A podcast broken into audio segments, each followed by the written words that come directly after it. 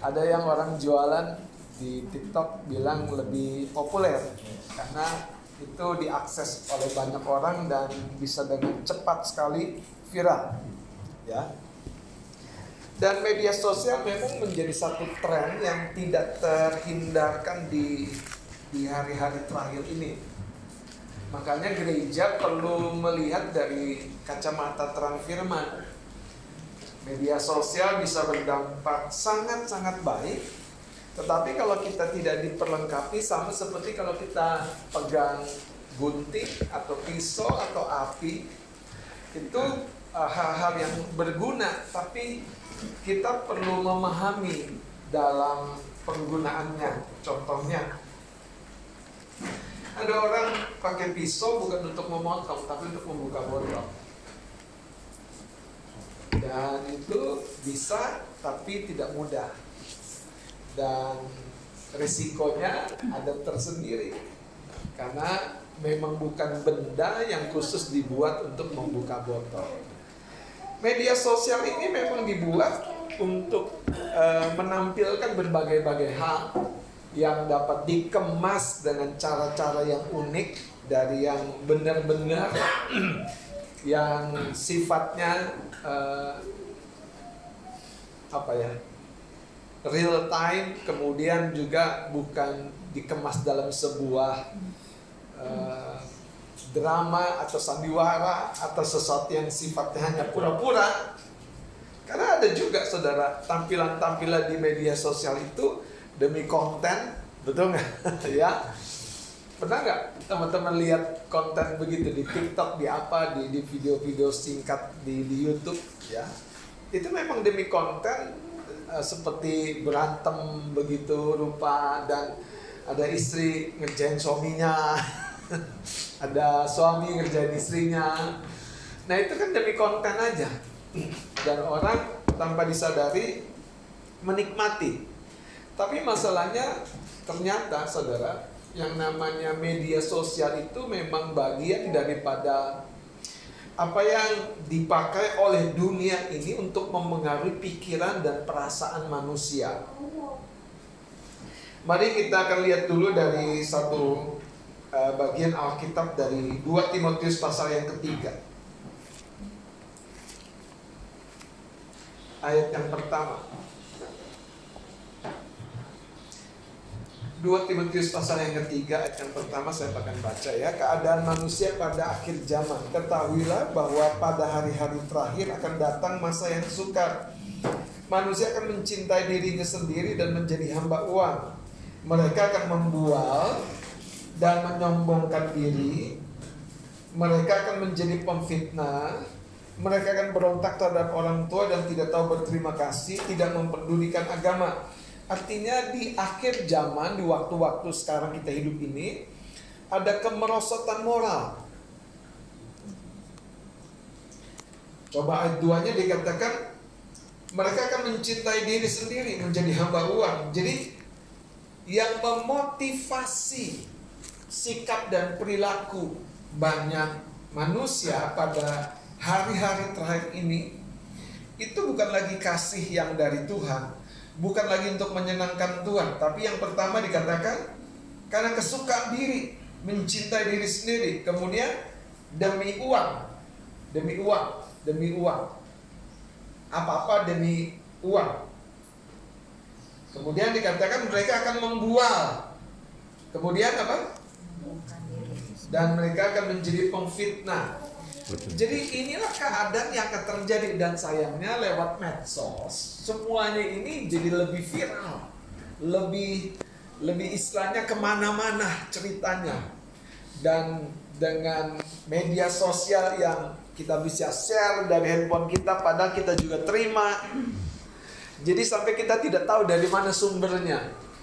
Lewat video-video singkat Nah, saya lanjutkan sedikit lagi dari cerita ini. Ayat 3. Tidak tahu mengasihi, tidak mau berdamai, suka menjelekkan orang, tidak dapat mengekang diri, garang, tidak suka yang baik. Nah, kira-kira cerita-cerita ini ketika di media sosial makin gampang terekspresi. Karena saudara lewat media sosial kita bisa bantah berbantah atau saling mengungkapkan perasaan secara berlebih-lebihan dengan uh, tidak takut orang yang dihadapinya itu secara langsung. Karena dia pikir dia hanya rekam video, tayangin, rekam video, tayangin. Dan yang kemudian empatnya suka mengkhianat, tidak berpikir panjang, jadi yang penting tayang dulu baru pikir kerugiannya. Lihat dulu baru nyesel. Dan terus dikatakan berlagak tahu. Komen, komen, komen, komen. Kok grup ini sepi banget gak ada yang komen? nah, karena uh, yang menarik dikatakan lebih menuruti hawa nafsu daripada menuruti Allah. Nah inilah yang terjadi di akhir zaman dan bicara tentang medsos atau media sosial. Saudara, media sosial itu seperti uh, panggungnya daripada uh, bagaimana manusia pada akhir zaman ini menampilkan berbagai-bagai rupa di kehidupannya. Masalahnya tadi nubuat ini sedang digenapi. Mencintai diri sendiri, berlagak tahu, menyombongkan diri, dan semuanya. Banyak orang terjebak kepada bisnis-bisnis palsu karena media sosial. Ya kan? Banyak orang investasi bodong karena media sosial. Udah gitu nyesel. Terlambat. Kenapa? Karena investasinya udah menjerat begitu dalam. Dan kita seperti terbuai dengan iming-iming yang muncul di media sosial. Betul nggak? Jadi yang yang kelihatan itu belum tentu real. Oke. Jadi inilah kira-kira gambaran dari media sosial. Pertanyaannya kan buat kita ada manfaatnya nggak? Banyak. Banyak manfaatnya. Banyak. Melalui media sosial kita bisa promosi yang baik, kita bisa memberitakan Injil. Melalui media sosial kita bahkan bisa menguatkan orang lain melalui media sosial kita bisa menyampaikan kebenaran. Oke, tapi hari ini kita mau belajar dari sisi yang negatifnya supaya kita bisa menghindari sisi yang negatif dan menggunakan media sosial untuk semua kebaikan yang kita bisa alami di keluarga. Kalau keluarga kayak Bang Horas dengan Bang Mawel Kak Ellen, Kasari, mereka punya anak-anak yang remaja dan mereka pasti bicara media sosial bukan hanya tentang mereka tapi tentang putri putri mereka anak-anak mereka yang kita tidak tahu. Mereka punya follower banyak dan ternyata tiba-tiba follower itu bukan hanya orang-orang yang baik yang tiba-tiba bisa capture foto anak kita ambil foto keluarga kita dan masukin di di di tayangan-tayangan yang lain dan ujungnya kita mengalami kerugian. Itu sebabnya kita sebagai anak-anak Tuhan bicara media sosial, kita harus sadar bahwa ada sisi negatifnya, ada sisi positifnya. Saya upayakan tidak terlalu panjang, tapi nanti kita akan tangkap hal-hal yang paling esensi. Nah, kita lihat dulu dari satu ayat Roma 12 ayat yang kedua. Jadi kalau tadi ada permainan, perhatikan pertanyaannya. Iya. Sekarang belum tahu. Belum nyambung kita. Kayaknya masih shock gitu loh. Mbak Eti masih muter. Saya bilang Mas Kris tolong diterangin. masih emosi. Masih mikirin berapa kilo telur. Masih masih muter dulu. Telur itu masalah telur. Jadi berapa kilo mbak telurnya? Aduh. Saya pikir memang ini luar biasa ini pertanyaan-pertanyaannya sampai Mas Thomas bingung ini pertanyaan menjebak apa pertanyaan benar ya? Padahal guru juga ya bang ya? Iya. Ya, masih emosi Oh iya. Dia mau guru silat. Tidak. Jadi Kak Kristin ini uh, guru, jadi Kalau kalau di sekolah, ya, Bapak Ibu tahu kan kualitas muridnya seperti apa kan? Nah, diragukan lagi bang. Pasti kalau pertanyaan-pertanyaan itu dikasih mereka bisa jawab. Nah kita ini, aduh, kita ini kenapa ini? Kok macet gitu kan? Lewat TK ya. IP-nya tiga ya. Oke, jadi perhatikan pertanyaannya. Yang sama bilang gini, medsos itu media komunikasi. Jadi masalahnya adalah apa yang kita mau komunikasikan melalui media sosial. Nah, jadi kalau Roma 12 ayat yang kedua, coba lihat ayat ini, Roma 12 ayat kedua. Kita baca sama-sama ya. Dua, tiga. Janganlah kamu menjadi serupa dengan dunia ini, tetapi berubahlah oleh pembaharuan budimu, sehingga kamu dapat membedakan manakah kehendak Allah, apa yang baik, yang berkenan kepada Allah, dan yang sempurna. Saudara, media sosial itu media komunikasi. Jadi bisa menjadi sangat-sangat berguna, sangat-sangat baik tergantung apa yang dikomunikasikan dan bagaimana caranya mengkomunikasikan. Maksud baik belum tentu caranya baik. Kontennya baik belum tentu capture-nya baik. Pesan-pesan tulisan di bawahnya baik. Ada orang lihat medsos seseorang dia baper. Kalau udah baper, susah tidur, kenapa? Karena kepala pusing. Karena dia mulai membandingkan, kok aku masih begini ya? Gimana Ci? Gimana Mas? Hah? Hah? Kemudian dia lihat lagi mensosnya teman-teman sekolah dia dulu, wah udah sukses, udah berhasil. Tiba-tiba langsung, ya Tuhan, kenapa aku nasibnya begini aja ya? Nanya sama Tuhan, nanya sama diri sendiri. Pikir dulu sebelum tanya. Bikin dulu sebelum bertanya. Jadi media sosial itu media komunikasi. Nah, kalau dikatakan media sosial dengan berbagai platform tadi sampai misalnya TikTok dan lain sebagainya, Anda akan jumpai bagaimana orang menyampaikan komunikasi dengan berbagai-bagai cara. Dengan bahasa tubuh, bahasa tubuh yang menggoda, bahasa tubuh yang merendahkan, bahasa tubuh yang melecehkan, dan berbagai-bagai hal.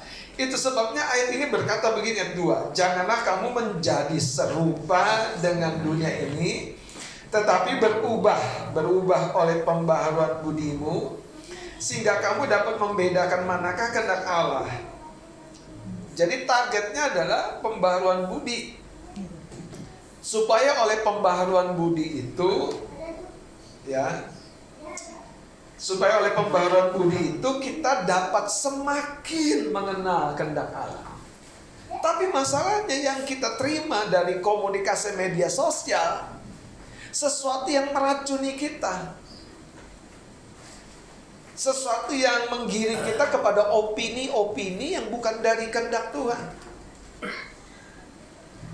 Sesuatu yang membuat kita tergiur dengan hal-hal yang sebetulnya fantasi. apa sih namanya impian-impian kosong, fantasi. Ya kan? Terus sesuatu yang gini, melambungkan pemikiran-pemikiran yang positif tapi tidak ada dasarnya. Yang ujungnya tadi kita dibawa kepada hayalan-hayalan. Ayat ini sebetulnya memperingati kita akal budi kita sedang diserang melalui media sosial. Nanti kita akan belajar kalau itu bagaimana dong yang baiknya menggunakan media sosial itu bagaimana baiknya. Saya sedang bahas ini secara umum melalui konteks ayat ini. Dikatakan pembaharuan akal budi kita berubahlah oleh pembaharuan akal budi. Tujuannya kita makin hidup dalam kehendak Tuhan. Tapi sayangnya seperti tadi uh, kitab Timotius berkata bahwa di akhir zaman ini justru dunia semakin meninggalkan Tuhan.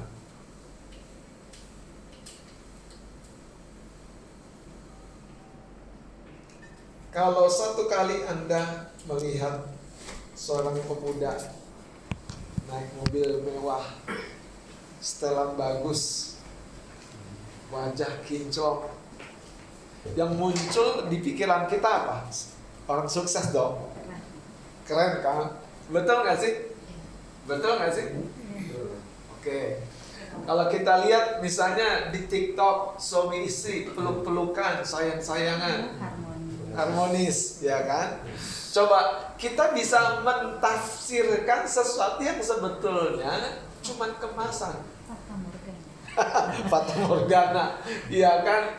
Kayaknya suaminya baik banget gitu kan, istrinya pulang, ya kan, disambut gitu. Ini bukan istrinya yang nyambut loh, suami yang nyambut. Biasa suami rumah tangga. Iya. Terus tiba-tiba istri di rumah bilang gini, Pak tuh lihat Pak, Pak ngerti nggak Pak? Itu loh, itu loh Pak. Dulu aku berdoa supaya saya diberi suami seperti itu Pak. Masa Papa nggak ngerti?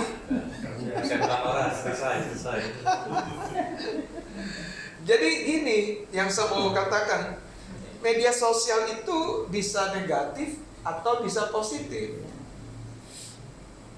Makanya bagaimana respon kita sekarang ini yang kita mau pelajari. Oke, yang pertama, saudara, eh, dampak negatif medsos yang kita perlu hindari supaya kita bisa memanfaatkan medsos itu dengan baik adalah yang pertama dampak negatifnya itu adalah kita cenderung akan membandingkan yang kita lihat itu dengan diri kita. Dan sayangnya saudara, justru kan Tuhan pengen kita membandingkan diri kita bukan dengan orang lain yang sepertinya tadi itu dalam kemasannya sukses, tapi sebetulnya enggak begitu. Kalau kita lihat dia harmonis, padahal penuh perjuangan di belakangnya. ya kan, betul nggak? Ya kayaknya rumah bagus, padahal cuma tampak ruang tamu doang. Cuma tampak depan. Jadi kita sedang memasuki sebuah kehidupan yang sebetulnya fata morgana, tidak nyata. Karena media sosial itu bisa dikemas begitu rupa. Itu sebabnya peringatannya atau dampak negatif yang kita perlu hindari adalah yang pertama, kita tidak boleh jadikan media sosial itu sebagai media kita membanding-bandingkan diri kita dengan akun yang kita lihat kah, akun artis kah, akun tetangga kita kah, akun teman kantor kita kah, terus kita lihat sesama pegawai kok dia udah bisa oh pasti dia korupsi. Eh tahu juga enggak, udah negatif thinking. Kenapa? Karena itu tadi itu. Makanya kita harus hati-hati. Coba kalau teman-teman buka medsos, teman-teman yang follow kita di akun kita, kita buka atau apalagi kalau dia lagi posting sesuatu masuk di akun kita, terus kita klik, ya ampun, enak banget liburannya ya. terus langsung kita apa usap dada ya. Nasi, iya kan?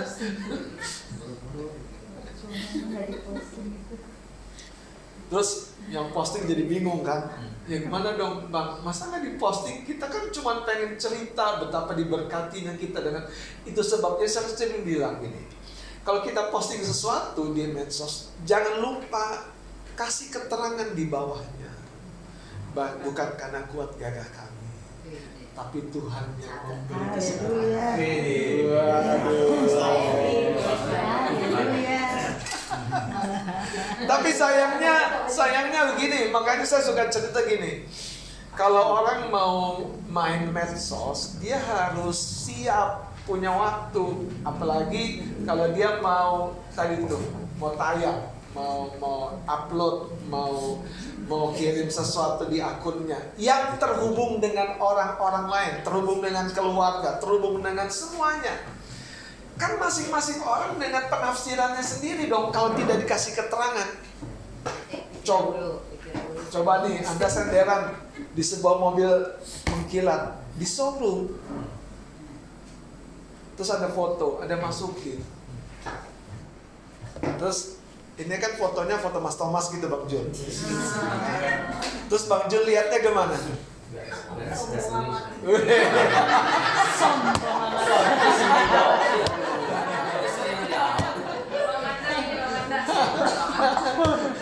Coba apa yang apa yang muncul di pikiran kita? sukses Mas Thomas. Sukses Mas Thomas. Iya, biasa. Dari mana nih duitnya? Enggak, coba nih kita kita ngomong lebih fair ya. Coba kita ngomong lebih fair. Misalnya, ada nggak yang mikir gini? Oh, pantas PNS. AS. Ada nggak yang mikir agak konyol seperti saya? Kredit berapa tahun?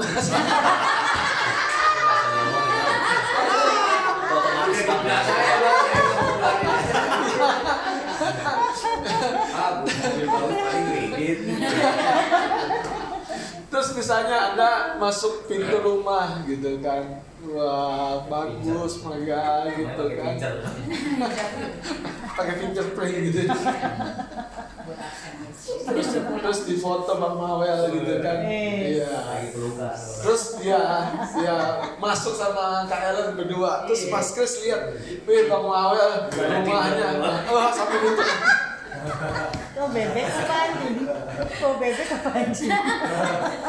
Jadi yang saya mau katakan adalah gini, ketika kita tayang seperti itu gambar tanpa pesan yang lengkap, di situlah godaannya terjadi.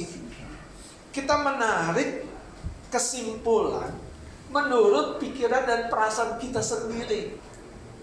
Makanya kalau kalau satu ketika Raja Daud sebelum dia jadi raja masih jadi ajudannya Raja Saul.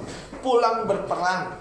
Kemudian wanita-wanita dari kota keluar bernyanyi berbalas-balas bersaut-sautan. Saul mengalahkan beribu-ribu tetapi Daud mengalahkan berlaksa-laksa. Terus hati Raja Saul ini yang nggak mau tersaingi Haleluya yang tidak mau tersaingi apa yang terjadi ngamuk dong, kecewa dong, marah-marah dong, iya kan? Ujungnya apa? Sakit hati. Terus di cerita itu, coba kalau kita jadi Daud, emang apa salah gua? Gimana Kak Yumi? Emang apa salah suamiku? Nah, Banyak. Mikir dulu ya. Mikir dulu. Kalau biasa nih. Kalau biasa. Jadi kalau kita lihat cerita itu akibat akibat respon orang lain. Nah sekarang kan masalahnya itu gampang di media sosial. Teman-teman kalau anda kasih foto terus ada orang kasih jempol, enak nggak? Ngangkat nggak di sini? Waduh, kasih gambar hati. Aduh, makasih Tuhan, bahagia hidup. Tapi, tapi misalnya satu aja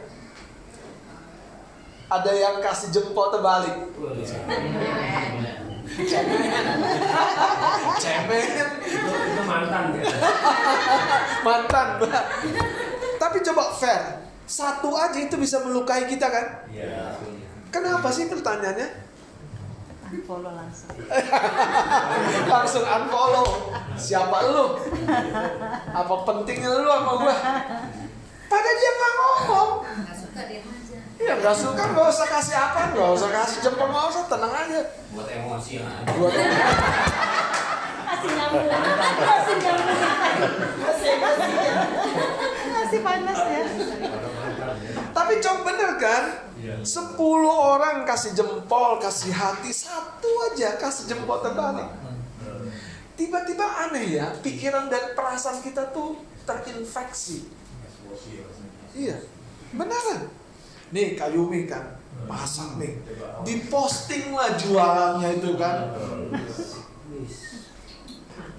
Kurang banyak. Kurang banyak. terus kan kita se-GP ini kasih jempol Iya. Mas Thomas? Terus tiba-tiba se-GPI ini masih ada satu yang salah pijit. Mas Thomas gitu. Paling suaminya bang. Paling suaminya. Gak, gak usah terbalik dulu deh.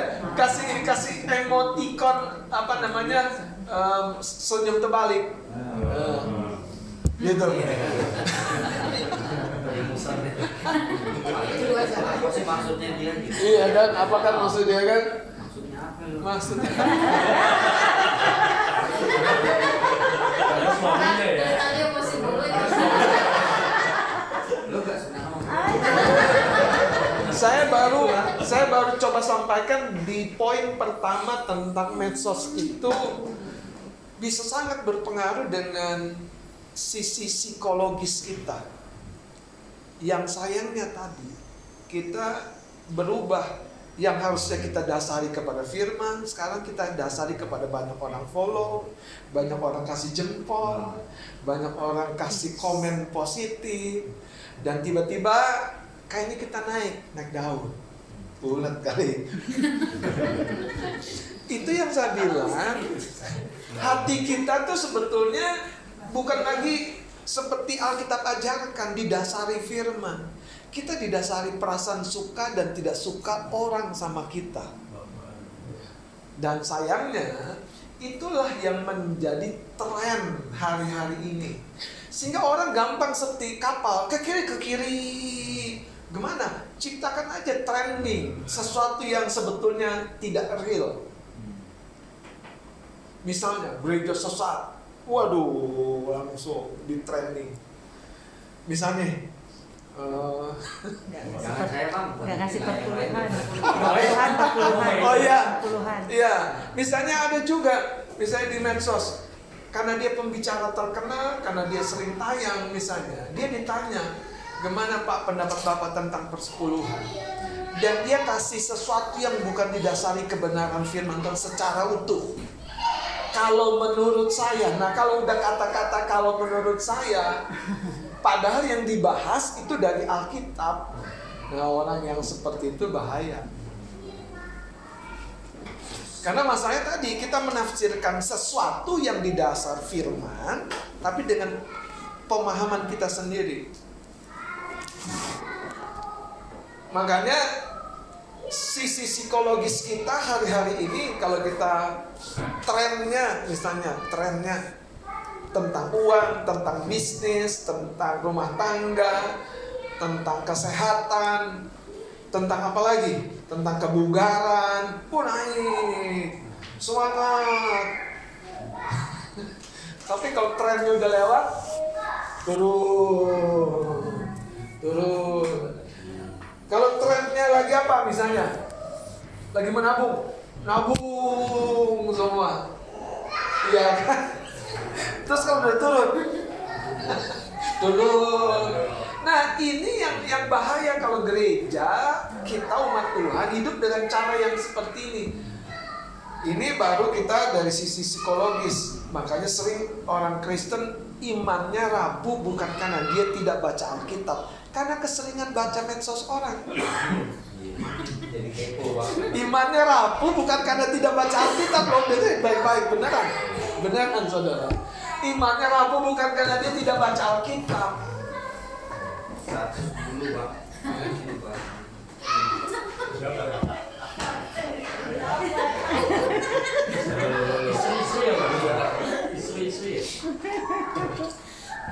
Jadi sisi psikologis atau perasaan kita tuh jadi rentan.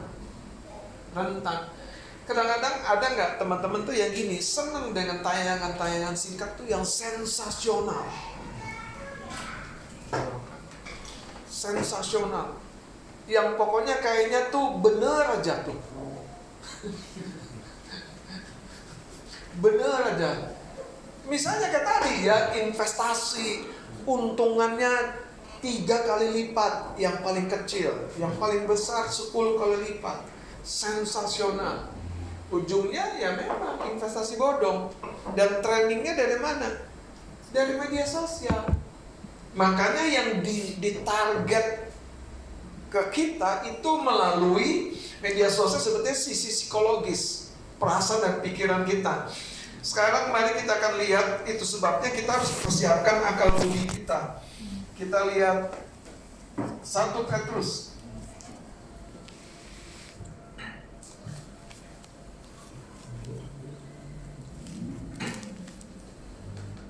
ayat yang ke-13. 1 Petrus 1 ayat yang ke-13.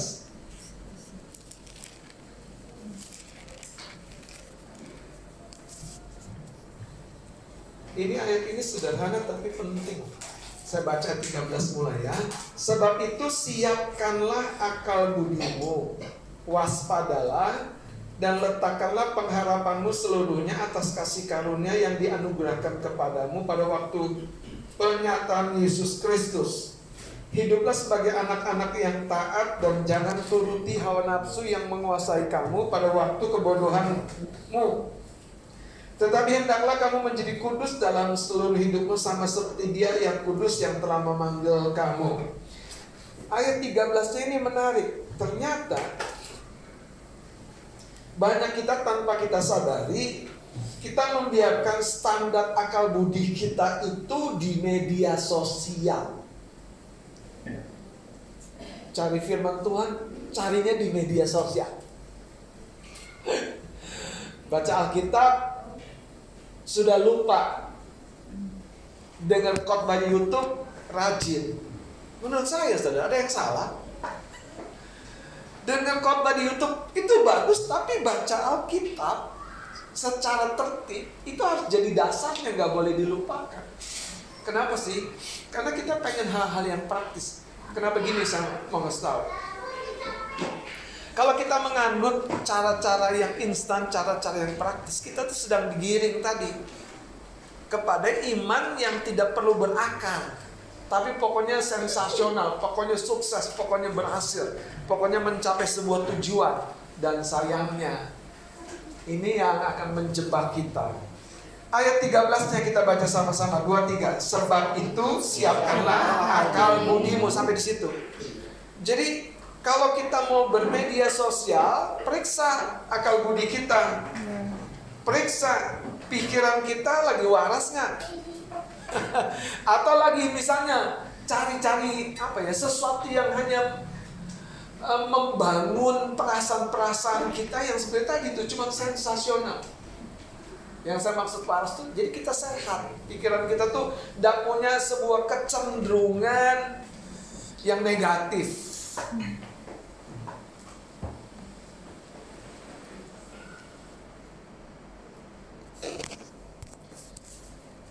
Kalau Anda lagi bad mood, terus buka medsos orang, tadi itu yang saya bilang, dia lagi peluk-pelukan sama pasangannya, tapi Anda lagi bete sama pasangan.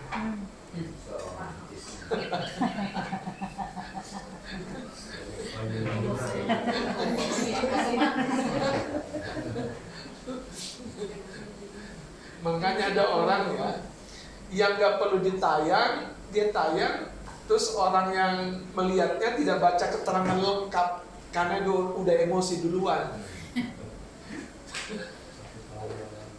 Ada kan orang misalnya ini tujuh tahun yang lalu gitu kan. Coba apa yang anda pikirkan kalau baca keterangan di bawah itu tujuh tahun yang lalu? Nikah, baru nikah. Makanya kalau kita bermedsos kita juga harus sadar kira-kira perasaan apa yang muncul orang melihat gambar kita, melihat story kita, melihat cerita kita, melihat tayangan kita. Jadi kita harus persiapkan akal budi kita seutuhnya. Jadi kita harus hati-hati jangan sampai medsos itu menjadi sarana yang menjebak kita. Kita tanpa kita sadari membanding-bandingkan diri kita dengan orang lain yang sebetulnya semua orang juga namanya mau mau tayang, mau mau kelihatan. Ya tadi ya kita munculin semua yang bagus supaya orang bisa diberkati. Itu kan bahasa rohaninya. Tapi ternyata tidak semua orang diberkati dengan berkat kita. Masalahnya di mana? Masalahnya adalah tadi karena waktu kita tayang sesuatu itu orang yang melihat selalu punya pikiran dan perasaan yang berbeda-beda dengan kita. Yang kedua, sisi negatif yang kita perlu waspadai sehingga kita bisa menggunakan medsos bermanfaat yaitu apakah med- medsos hari ini sudah menjadi sebuah candu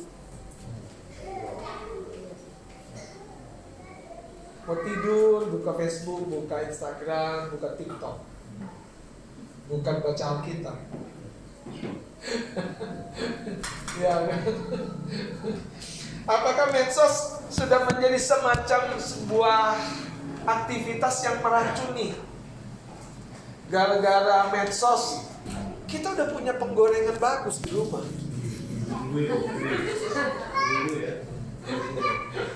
terus kita tergoda lihat orang promosi penggorengan itu dan kita beli. Udah gitu sampai rumah naruhnya bingung kan di mana kan? Naruhnya di, di bawah kasur. Buat tempat tidur. Kenapa? Karena memang itu menggoda. Bisa meracuni. Bisa meracuni. Nah coba cek tanya dulu pasangannya. Kamu udah teracuni belum? Kamu kayaknya terakhir. Yang ketiga, medsos itu kita harus eh, batasi. Tidak semua hal. Nah, karena itu gini, kita harus waspada. Medsos itu bukan wadah apa namanya? mencurahkan segala sesuatu. Kalau teman-teman lihat medsos orang, misalnya ya marah sama anaknya, direkam, diposting, Iya.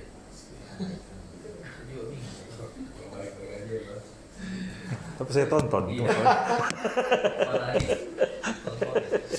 Terus ada misalnya dia lagi misalnya eh, di pinggir jembatan, ya kan?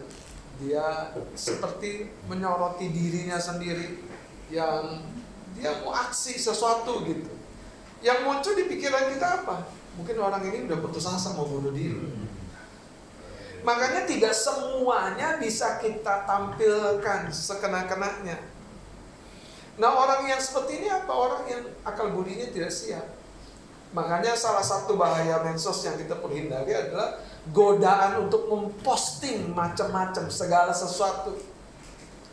Kita harus pilih. Oke.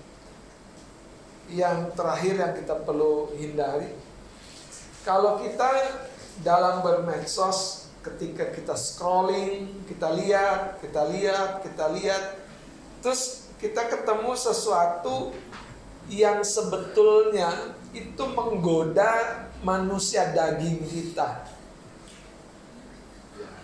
Pertanyaannya adalah apakah kita terusin, kita buka, kita gali lebih dalam, kita tanya di mana dia? Kita buka lagi, kok bisa ya? Saudara, ini bahaya-bahaya medsos yang secara umum selalu menyerang mereka yang bermedia sosial. Yang saya mau katakan media sosial itu sekarang kita nggak perlu punya akun saja bi- bisa buka TikTok. Nggak perlu. Apalagi kalau sudah YouTube, video-video singkat. Nah pertanyaannya dan sekaligus perenungan, apa dong kegunaan medsos? Saya mau sampaikan dengan cepat. Yang pertama, yang Anda harus kendalikan sehingga medsos itu berguna adalah membangun dan meningkatkan relasi. Betul nggak sih? Iya. Kalau kita bermedsos cuma bikin sakit hati orang, ya nggak usah. Kalau kita bermedsos cuma bikin cemburu orang, ya nggak usah.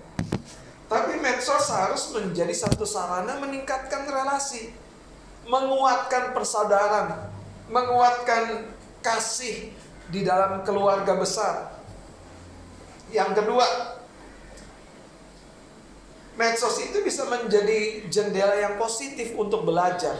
Ibu-ibu ada yang belajar masak melalui medsos nggak? Ada. Banyak kan? Gitu. Iya kan? Iya. Betul nggak? Berguna nggak medsos? berguna, berguna. Kalau Pak Jumadi waktu dia baru belajar bawa mobil, dia belajar bawa mobil aja dari YouTube. Dia parkirin mobil keluar masuk kalau malam itu mobil kami di depan sekretariat dari YouTube. Ganti kanvas rem mobil dari YouTube. dia beli sesuatu untuk keperluan sekretariat, beli kabel, semuanya dari akun Facebook. Jadi menurut saya medsos itu banyak, itu menjadi jendela hal yang positif. Tetapi makanya medsos itu saya jadi apa sih? Satu gini, ke mana ketertarikan Anda? Itu menunjukkan apa yang nanti Anda akan buka dan akan follow. Makanya kita harus sadari medsos itu yang pertama untuk meningkatkan relasi menjadi jendela dan wawasan yang positif untuk belajar, menggali hobi dan lain sebagainya. Kemudian ini yang penting, medsos harus menjadi tempat membagikan kesaksian. Anak-anak remaja sekarang betul nggak sih medsos itu jadi membagikan kesaksian? Atau mereka sekedar membagikan perasaan bapernya?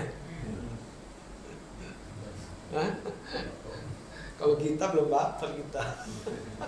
Mungkin nanti belasan tahun mulai. Kenapa? Itu indikasi kenapa? Karena dia ternyata tidak bisa curhat sama mama papanya. Nah medsos itu berbahaya loh kalau ada orang yang tangkep itu, wah ini kesempatan. Karena orang yang lagi baper tuh gampang di, di apa namanya digiring pemikirannya, gampang digiring. Setan tahu kok, makanya Saul itu nggak bertahan waktu dia terus jiwanya terganggu. Nah yang keempat, ini yang tidak kalah penting, makanya gunakan medsos dengan tujuan yang positif yaitu untuk membangun branding, personal branding. Medsos itu harus dikelola, dikemas. Jualan medsos bagus nggak? Bagus. Cuma pertanyaannya, kita kalau tidak belajar, akhirnya gini, maksudnya sih mau jualan masakan melalui medsos, tapi ujungnya malah habis waktu kita scrolling yang lain. Makanya saya berdoa kita hari ini belajar dengan singkat dari Roma pasal yang ke-12 ayat yang kedua tadi bahwa tujuan Tuhan adalah supaya kita mengetahui kehendak Tuhan. Makanya akal budi kita kita harus perlengkapi. Kita harus perbaharui supaya melalui media sosial pun kita sebagai papa dan mama di rumah kita tidak lupa anak-anak kita perlu kita tolong juga. Jangan malah dengan medsos justru dia makin hancur. Yang tadinya tidak hedon, tidak duniawi, karena medsos anak-anak kita mulai tergoda. Dia punya teman-teman yang kita tidak tahu. Makanya ini menjadi sebuah peringatan buat kita. Nah malam hari ini perenungannya adalah gini. Seberapa jauh medsos media sosial, Facebook, Instagram, mau kita buka TikTok dan lain sebagainya, itu sudah mempengaruhi kualitas hidup kita lebih baik. Bapak-bapak, ada loh contoh. Saya ikuti akunnya Adera, dunia Adera. Itu saya ikuti bersama dengan istri. Adera kalau ngajar tentang bagaimana hidup sehat, menurut saya itu patut diikuti. Saya follow, saya bagikan. Dan itu berguna, betul nggak? Dan dia nggak melebih-lebihkan apa yang dia sedang bagikan karena dia bagikan dari semua yang dia jalani dalam hidupnya. Makanya teman-teman, medsos itu berguna. Jadi untuk apa? Untuk menolong kita. Tadi mengetahui kehendak Tuhan hidup kita lebih berkualitas, punya jendela wawasan pengetahuan pembelajaran lebih luas. Sekalipun medsos itu punya sisi yang negatif, punya sisi yang berbahaya, punya sisi yang harus kita waspadai, betul nggak? Jangan sampai gara-gara medsos nggak jadi nabung. Karena di medsos itulah godaannya untuk belanja. Iya kan? Jangan-jangan gara-gara medsos itu tiba-tiba kita nggak sempat doa. Tapi buka Instagram orang, lihat Facebook orang itu punya waktu. Tapi giliran berdoa nggak punya waktu. Jangan sampai kita buka medsos supaya nggak ngantuk. Lagi lampu merah, buka TikTok, buka yang joget-joget itu saja yang goyang-goyang. Ini bapak-bapak tolong perhatiin.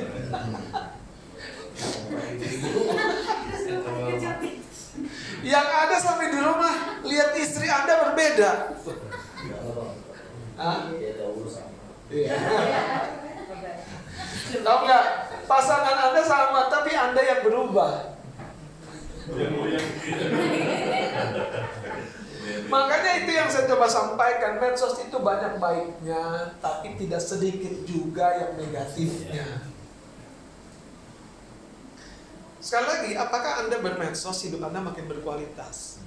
Iman Anda makin berakar kepada Kristus, bukan kepada tadi hal-hal yang fantasi, yang apa? Cuma sebatas sebuah kemasan yang bagus di luar.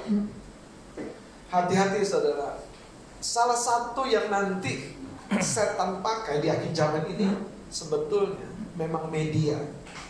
Media. Media. Jadi kalau kita ngomong medsos itu jelas-jelas nanti koneknya adalah bagaimana setan mempromosikan semua kehancuran moral, kehancuran iman itu melalui media.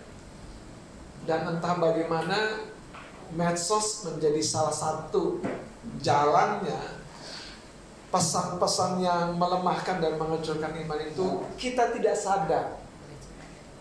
Ya, kita teruskan, kita teruskan, kita teruskan, kita teruskan. Nah, hari ini ambil waktu singkat, saudara. Apakah medsos sudah bermanfaat bagi keluarga kita? Bapak-bapak, mari kita juga menyimak. Sekalipun mungkin Anda dengar Instagram, boro-boro bang, aku punya. Kita harus sadar anak-anak kita butuh.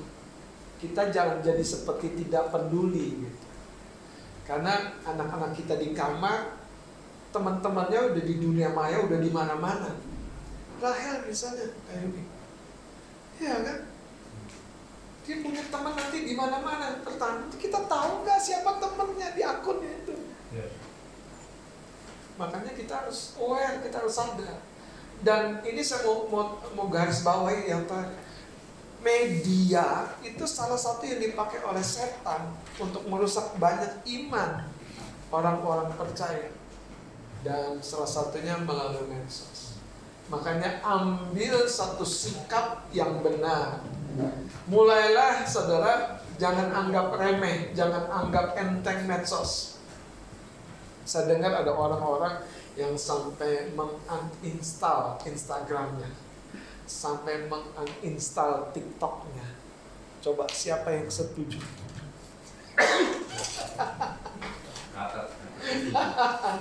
Siapa yang. Karena ini hal yang ekstrim dulu, yang ekstrim dulu. Siapa yang menurut saya nggak usah di uninstall. Gini, kenapa saya mulai dari yang ekstrim? Karena banyak orang ini, dia nggak mau ekstrim, tapi dia juga nggak mau membangun dirinya. Kalau teman-teman yang tidak mau membangun dirinya, saya sarankan ekstrim lah. Aku biar aman bang, aku uninstall aja. Itu nggak apa-apa, saya setuju. Iya kan? Daripada maksudnya nggak mau membuat waktu di TikTok lama-lama, betul nggak? Tapi kita lihat lagi, kita lihat lagi, kita lihat lagi. 15 menit udah habis. Lihat lagi, lihat lagi, lihat lagi. Jangan-jangan sampai nanti kalau dengar khotbah di gereja ngantuk, buka TikTok dulu ngantuk. Yang kecilin perutnya. Oh gitu ya? Tapi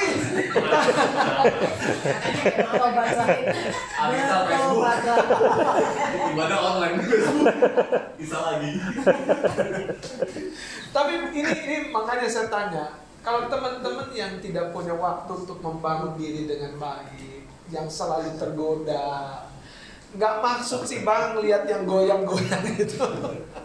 TikTok Anda silakan di uninstall.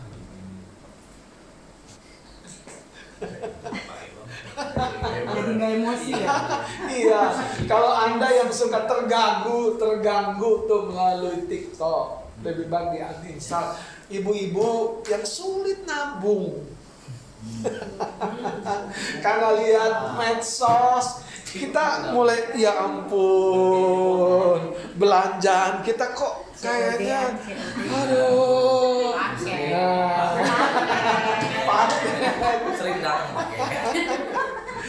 Jadi saya bilang ini jujur ya, saya mau bilang gini, kalau teman-teman yang belum bisa mengendalikan diri, lebih baik uninstall. Tapi kalau anda mau mau lebih baik, ya kita berpasangan lah suami istri harus lebih jujur. Sama-sama beli pakai barengan. Sendiri. Kita pinjam sendiri, iya. Udah nggak bagus kali. Suami juga gitu. Karena memang di situ godaannya teman-teman, di situ godaannya. Jadi nih yang terakhir nih, ini kan eh, orang mulai lebih pakai Instagram daripada Facebook. Karena Instagram itu mem, apa namanya menampilkan gambar-gambar itu lebih up to date, lebih cepat, lebih lebih lebih lebih tajam dan banyak hal yang lainnya. Kalau Anda buka Instagram, ya sekali lagi Anda tergoda untuk klik dan lebih dalam lagi dan lebih dalam lagi kepada gambar-gambar yang tidak berguna menurut saya, menurut saya ya. Anda sebenarnya ekstrim. Udah ketuaan, kita kelamaan.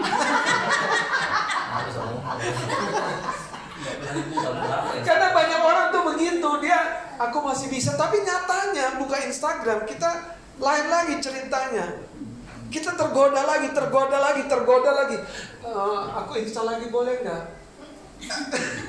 nah yang ditanya tuh dirinya, bukan bukan pasangannya. Gimana kok? Karena kita harus jujur loh beneran. Jadi yang pertama kalau Anda tidak bisa mengendalikan perasaan, mengendalikan kantong, mengendalikan mata, karena media itu serangannya di situ. Kalau saya sarankan uninstall. Tapi kalau Anda mulai bertumbuh, itu banyak kok kegunaannya. Gitu. Jadi saya kasih dua solusi. Bangun diri. Ya, membangun diri atau uninstall. Eh? Uninstall betul ya. Jangan mingguan uninstallnya. Oh iya, nanti dibuka lagi, buka lagi, install lagi, buka lagi. Karena begini dengan saya, satu hal yang tadi terakhir itu saya juga coba sampaikan. Namanya kecanduan itu memang menggenapi firman kok. Keinginan mata, kemauan daging, keangkuhan hidup. Keinginan mata, ya kan, keangkuhan hidup, keinginan daging. Semuanya itu dapat apa namanya makanan melalui medsos, dapat makanan, dapat makanan. Dan itu yang membuat tiba-tiba kekristenan kita tadi tuh di akhir zaman ini dasarnya bukan firman, tapi medsos. Aneh. kekristenan dasarnya medsos itu perasaan-perasaan yang membuai kita. Oke, mari kita bangkit berdiri kita berdoa.